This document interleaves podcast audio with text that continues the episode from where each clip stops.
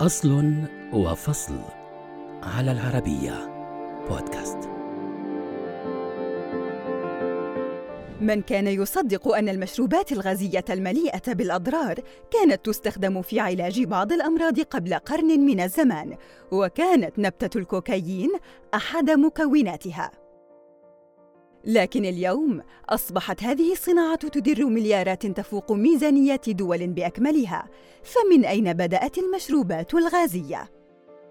في العام 1767 ابتكر الإنجليزي جوزيف بريستلي أول مياه غازية صالحة للشرب بعد اكتشافه لعنصر الأكسجين وحوله من حالته الغازية إلى السائلة ولم يمضي على هذا الابتكار سوى ثلاث سنوات حتى اخترع الكيميائي السويدي توبرين بيرغمان جهازا لتوليد المياه الغازية من الطباشير مستخدما حمض الكبريتيك وهذا ما أفسح الطريق لإنتاج المياه الغازية بكميات كبيرة وبعد دخول المياه الغازية إلى العالم قام السويسري يوهان شويب في العام 1783 بتأسيس أقدم شركة لتقديم المياه الغازية وسماها شويبس للمياه الغازية لكن ماذا عن أمريكا؟ بالرغم من أن المشروبات الغازية دائماً ما يقترن اسمها بأمريكا فإنها تأخرت لأكثر من 25 سنة حتى وصلت إلى هناك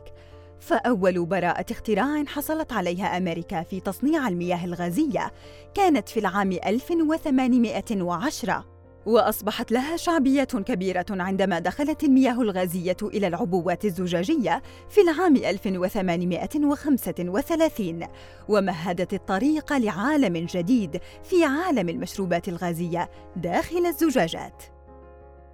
مرت المشروبات الغازية التي نعرفها اليوم بالعديد من المراحل، ففي مدينة أتلانتا قام صيدلاني يدعى جون بيمبرتون باختراع دواء يتكون من الكحول ونبات الكوكايين يستخدم لتهدئة الأعصاب في العام 1885 لكن بعد اختراعه هذا بعام تم منع تداول الكحول في مدينة أتلانتا ما أجبر بيمبرتون على استبدال المياه الغازية المكربنة به وأضاف إليه السكر وأطلق عليها اسم كوكا كولا مع الإبقاء على الكوكايين في مكوناتها وبدأت مبيعاته في النمو وقام بيمبرتون في العام 1892 بتأسيس شركة كوكا كولا لتقديم المشروب على أنه مشروب طبي. ظل الكوكايين يستخدم في الكوكاكولا حتى تمت إزالته من المشروب في العام 1929 وأصبح يباع كمشروب غازي فقط خال من الكحول والكوكايين.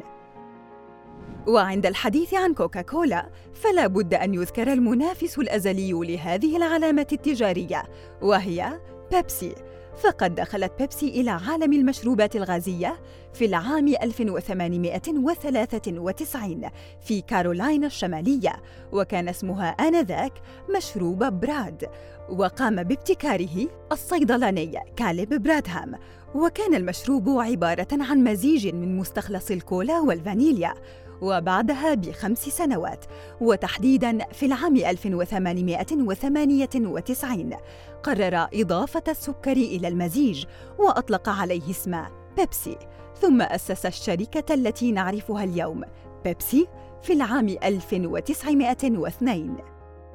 لم تنتهي شعبية المشروبات الغازية حتى أصبحت اليوم صناعة تدر أرباحاً تصل إلى مئات المليارات. ففي العام 2021 بلغت أرباح شركات المشروبات الغازية على الأقل كوكاكولا وبيبسي المئة مليار دولار وبقيمة سوقية تصل إلى 450 مليار دولار.